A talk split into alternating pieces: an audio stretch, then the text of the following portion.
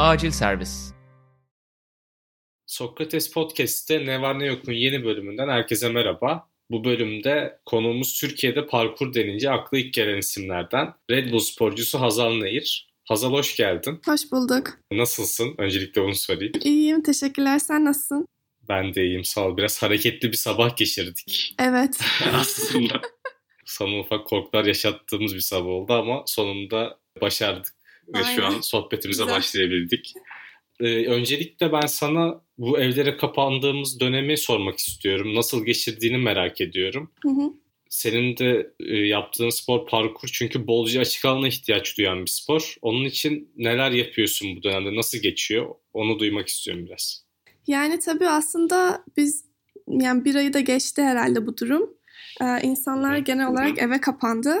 Yani açıkçası ben de antrenmanlarıma devam etmeye çalışıyorum. Tabii eskisi gibi gitmiyor. Yani istediğim gibi dışarı çıkıp da antrenman yapamıyorum. Ama Red Bull'un bana sağladığı bir imkan sayesinde evimin önüne ben as- açıkçası parkur antrenman alanı kurabildim. Ve o sayede de hani dışarı çıkmadan aslında ben antrenmanlarıma devam ediyorum. Tabii hani antrenmanlar eskisi gibi olmuyor. Daha farklı şeyler çalışıyorum.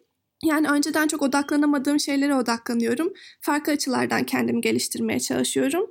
Yani hani açıkçası hala parkur yapıyorum ama onun dışında da gene workout olsun, e, koşu olsun gene bu antrenmanlarımı da eksiltmemeye çalışıyorum. Yani ufak da olsa antrenmanlarında bir değişiklik oldu ama yine Evet. bunları sürdürmeye çalışıyorsun. Evet, Zaten aynen. e, sosyal medya hesabından da e, takip ettiğim kadarıyla e, sürdürdüğünü az çok biliyordum. Ama yine biraz da senden duymak istedim o süreci. Peki o zaman şöyle ufak bir bu dönemi konuştuktan sonra parkura başladığın günlere biraz dönmek istiyorum başlangıca. Hani bu sporla nasıl tanıştın? Yani başlama kararını alırken seni bu sporun içine çeken faktörler nelerdi? Hani bir çekincen var mıydı? Biraz o hikayeni dinlemek istiyorum. Nasıl başladın? Yani ben aslında zaten parkuru biliyordum öncesinde. Lise zamanlarımda öğrenmiştim parkurun ne olduğunu. Ama tabii hiç denemeye cesaret edememiştim. Sonra üniversitedeyken breakdance yapmaya başladım ben. Breakdance yaparken bir gün e, antrenmanda e, birkaç kişinin parkur yaptığını gördüm. Tabii televizyonda izlediğinizle gerçekte gördüğünüz tamamen farklı oluyor. Çok zevkli geldi bana. Ben de denemek istedim. Ya, açıkçası o sayede başladım. E, tabii başladığımda hiçbir şey yani bu kadar böyle profesyonel seviyeye geleceğimi hiç düşünmemiştim. Tamamen hobiydi. Arkadaşlarımla dışarı çıkıp açıkçası spor yapıyorduk, eğleniyorduk. Ama böyle zaman geçtikçe işler daha böyle ciddiye bindi. Daha da eğlenceli oldu. Ve ben de daha çok bağlandım diyebilirim. Evet. Peki mesela sonuçta parkur yani sen daha önceden biliyor musun ama sonuçta Türkiye'de çok yaygın bir spor olmadığı için mesela yakın çevren nasıl karşıladı bu durumu yani? Ee, neler söylediler sana ya da? Yani zaten arkadaşlarım benim çoğu dansçıydı. O yüzden zaten parkur da biliyorlardı. Ailem de zaten böyle küçüklüğümden böyle farklı sporlar yaptığım için çok farklı bir tepki vermediler. Sadece biraz parkurun ne olduğunu açıklamak zaman aldı onlara. Ama işte zamanla herkes öğrendi zaten. Güzel. Peki şimdi biraz da e, sohbetin başında bahsettiğimiz gibi alışık olmadığımız şartlar altındayız. Hı hı. Sen de bildiğim kadarıyla yine evde kalmaya özen gösteriyorsun. Hatta antrenmanlarımı devam ettiriyorum dedin Red Bull sayesinde. Hı hı. Ya bu süreçte Red Bull Project Pro kapsamında 10 antrenmanlık bir de bir seri yayınladın. Denge egzersizleri e, adı altında. Hı hı. Biraz önce de bahsettin aslında ama hani senin e, günlük rutin çalışmalarına benziyor mu? Yani bu antrenman serisinden de biraz bahsedebilir misin bize? Ya ben istiyorsanız bilmeyenler için birazcık Red Bull Project Pro'dan bahsedeyim önce. Tabii ki. Red Bull Project Pro e, aslında içinde benim olduğum Ayşe Begüm Onbaşı'nın ve Ayhan Can Güven'in antrenmanlarının olduğu bir video serisi. Her seride 10 o, 10 tane video var ve benim denge, Ayşe Begüm'ün e, esneklik, Ayhan Can Güven'in de dayanıklılık antrenmanları üzerine çok rahatlıkla online olarak antrenmanlarını yani insanların antrenmanları bulabileceği bir platform aslında. E, tabii sadece antrenman videoları değil, e, aynı zamanda da dinlenme ve beslenme önerileri üzerine veya da bizim dinlediğimiz antrenman yaparkenki müzikler üzerine de insanların çok rahatlıkla ulaşabileceği bir platform aslında burası. Yani benim de denge üzerine antrenmanlarım var Red Bull Project Pro'da ve benim zaten oradaki antrenmanlarım benim zaten günlük olarak genel olarak parkurda kullandığım antrenmanların içinde de oluyor. Aynı zamanda da ekstradan workout antrenmanları olarak da yapıyorum. Zaten hani parkur dediğimiz zaman direkt denge aklımıza geldiği için bu antrenmanlar Doğru. sayesinde de parkurma da zaten daha da katkı sağlayabiliyorum. Evet. Bu arada şunu da belirtelim yine Red Bull Project Pro'dan bahsetmişken bildiğim kadarıyla Instagram üzerinden canlı yayınlar da yapıyorsunuz. Evet. Yani daha sanırım geçen hafta zaten e, Ayşe Begüm Onbaşı'yla bir canlı yayın oldu. Ondan önceki hafta benimle yapıldı. Yani genel olarak her hafta sonu yapılıyor. Güzel. Bunu da belirtmiş olalım. Evet. Şimdi biraz sen de başta bahsettin aslında parkura başlama sürecinde yanlış hatırlamıyorsam cesaret edemedim mi dedin ya da çekiniyordum dedim başta parkur yapmaktan. ya hakikaten dışarıdan bakan biri için ya özellikle benim için zor ve böyle tehlikeli bir spor gibi görünüyor. Peki sen bu işte gerçekten profesyonel bir seviyedesin ve yine de seni korkutan ve zorlandığın anlar oluyor mu? Ya oluyorsa da bunların üstesinden nasıl geliyorsun? Yani tabii ki hala korktuğum veya zorlandığım anlar oluyor. Zaten olmasa bu işin çok da tadı kalmaz. Ee, çünkü sürekli olarak kendini fiziksel ve mental anlamda zorlaman gerekiyor ki daha iyi seviyelere gelebilesin. Ama tabii yıllar geçtikçe yani senin yaptığın antrenman sayısı da arttıkça kendine olan güvenin ve yeteneklerin de artıyor. Böyle olunca aslında korktuğun şeyler veya e, daha korkutucu gibi gözüken şeyleri yapman aslında daha kolaylaşıyor diyebilirim. Ya tamamen her şey antrenmana bakıyor aslında. Sen ne kadar çok antrenman yapıp mental olarak kendini ne kadar iyi geliştirirsen yapacağın şeyler aslında seni o kadar korkutmuyor oluyor. Yani evet ben birkaç tane röportajını da okudum da zaten orada da yani parkurun ne kadar fiziksel olarak gözükse de ya mental bir spor olduğunu da hep vurguladın. Evet. Şunu da sorayım yani mental olarak pek kendini geliştirmek işte ekstra bir çalışma yapıyor musun? Tabii hani antrenmanlarını yapıyorsun hı hı. ama ne bileyim mesela profesyonel sporcular da senin gibi meditasyona mesela yöneliyor. Daha böyle uzaklaşmak için. Hani böyle bir çalışman var mı ekstra mental olarak? Ya açıkçası evet meditasyon işe yarıyor diyebilirim. Ama onun dışında bence tamamen kendi yeteneklerini bilmek bu konuda mental anlamda çok işe yarıyor. Kendine güvenmek ve kendi motivasyonunu üst düzeyde tutmak. Yani sen çünkü motivasyonu ne kadar üst düzeyde tutup yeteneklerini bilip kendine güvenirsen sanırım yapacağın şeylerin seviyesi de o kadar artıyor. Tabii bu zor bir süreç. Yani bence bir spor spor yaparken evet. mental anlamda motive edebilmek kendini özellikle şu anki durumda gerçekten çok zor. Kesinlikle. İnsanlar antrenman yapamıyorken. Ama sanırım böyle durumlarda zaten sporcuların başarılı olup olmadığını anlayabiliyoruz. Çünkü sen mental olarak kendini ne kadar zorlarsan ve bunun üstesinden ne kadar gelirsen zaten açıkçası o kadar gelişirsin. Evet çok güzel bir noktaya değindiğini söyleyebilirim. Şimdi biraz da parkurun Türkiye'deki durumundan söz etmek istiyorum. Yani sen yine birçok röportajında hayalin Türkiye'deki kadınlara ilham olabilmek olduğunu söylemiştin. Evet. Peki Türkiye'de parkurun geleceğini nasıl görüyorsun? Yani tabii giderek parkur yapan kişi sayısı artıyor Türkiye'de. Ve yani seviyeleri de artıyor aslında insanların. Parkur daha iyi yerlere geliyor diyebilirim Türkiye'de ama tabii ki bir Avrupa veya Amerika gibi değil. Çok yavaş bir e, ilerleme süreci var. Tabii bunun etkisinin muhtemelen yani açılan parkur salonları veya sokaklara yapılan parkur parklarıyla da alakalı olabilir. Çünkü yani Türkiye'de dışarıda antrenman yapıyoruz ve öyle olunca da bir sürü aslında farklı şeylerle muhatap olmak zorunda da kalıyoruz.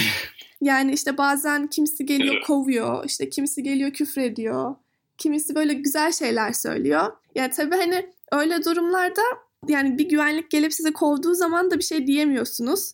Yani tamamen hani baş antrenman alanınız gitti elinizden. O yüzden başka bir mekan bulmaya çalışıyorsunuz. E bu ne? Aynı zamanda motivasyon kaybı, zaman kaybı. O günkü yapmak istediğiniz şeyleri zaten yapamıyorsunuz. E, gün, bir gününüzü kaybetmiş oluyorsunuz. Yani tabii hani Türkiye'de bence spordan çok insanların birazcık bakış açısının değişmesi gerekiyor. Hani bunu bir spor olarak görmeleri gerekiyor. Hala bize hani oradan oraya zıplıyorsunuz diyenler diyen insanlar var. Bunu neden yapıyorsunuz? Niye yapıyorsunuz? Anlayamayan insanlar var. Hani onlara da böyle yavaş yavaş artık açıklamaya çalışıyoruz ama anlıyorlar mıdır bilmiyorum. Ve umarım bir dönem sonra anlayacaklar. Çünkü yaptığınız gerçekten çok değerli bir şey. Özellikle senin yani parkur sporu adına geldiğin noktayı düşündüğümüzde bunun çok değerli bir şey olduğunu zamanla anlayacaklardır diye düşünüyorum. Umuyorum. Ben de. Ee, aslında bu da sorularım arasındaydı yani benim.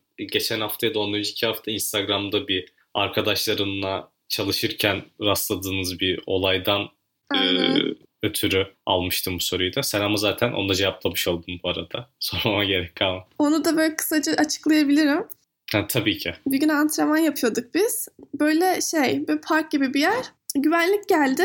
Böyle ne yaptığımızı sordu. İşte onu açıklamaya çalışıyoruz. Parkur işte duvardan duvara atladığın böyle um, spor, hayat tarzı falan gibi. Ondan sonra böyle adam döndü işte şey dedi. Yani siz şu duvardan duvara mı atlıyorsunuz dedi. İşte ben evet dedim. Sonra adam böyle bir anda böyle sinirli bir şekilde kuş musun sen nasıl atlıyorsun falan yaptı böyle.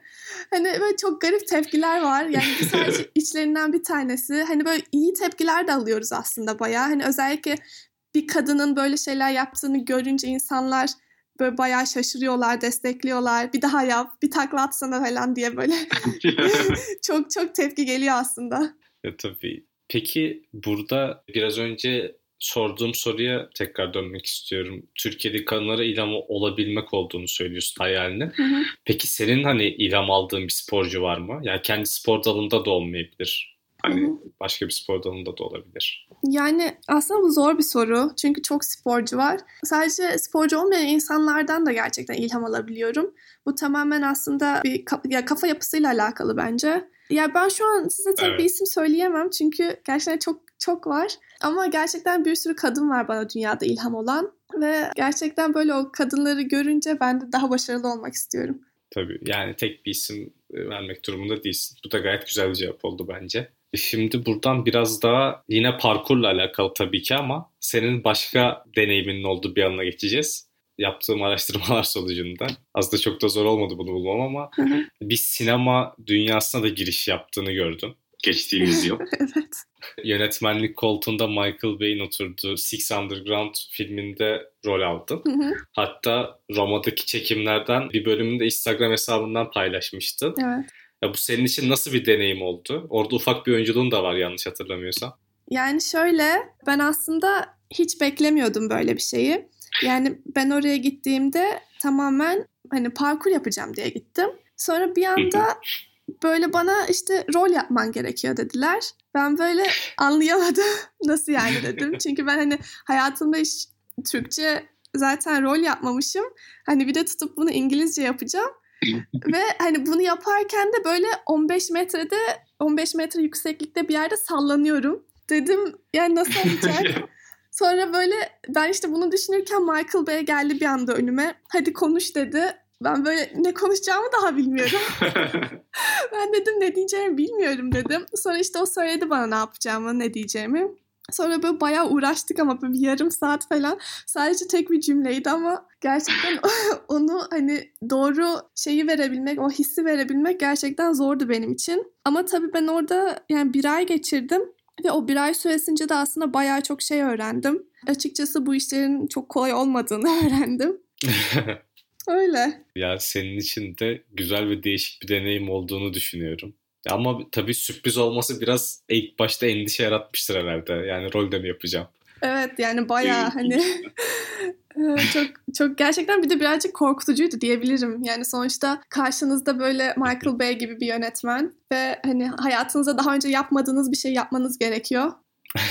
oyunculuğunda gayet başarılı yani çok kısa bir e, bölüm de olsa kısa bir e, kesit de olsa bence gayet başarılı. Teşekkürler. Yani parkur sporculuğunun yanında bir ufak bir sinema deneyimin olduğunu da buradan ekleyelim yine. E, peki sona doğru yaklaşıyoruz. Aslında bunu biraz baştaki ilk sorumda da cevaplamıştın.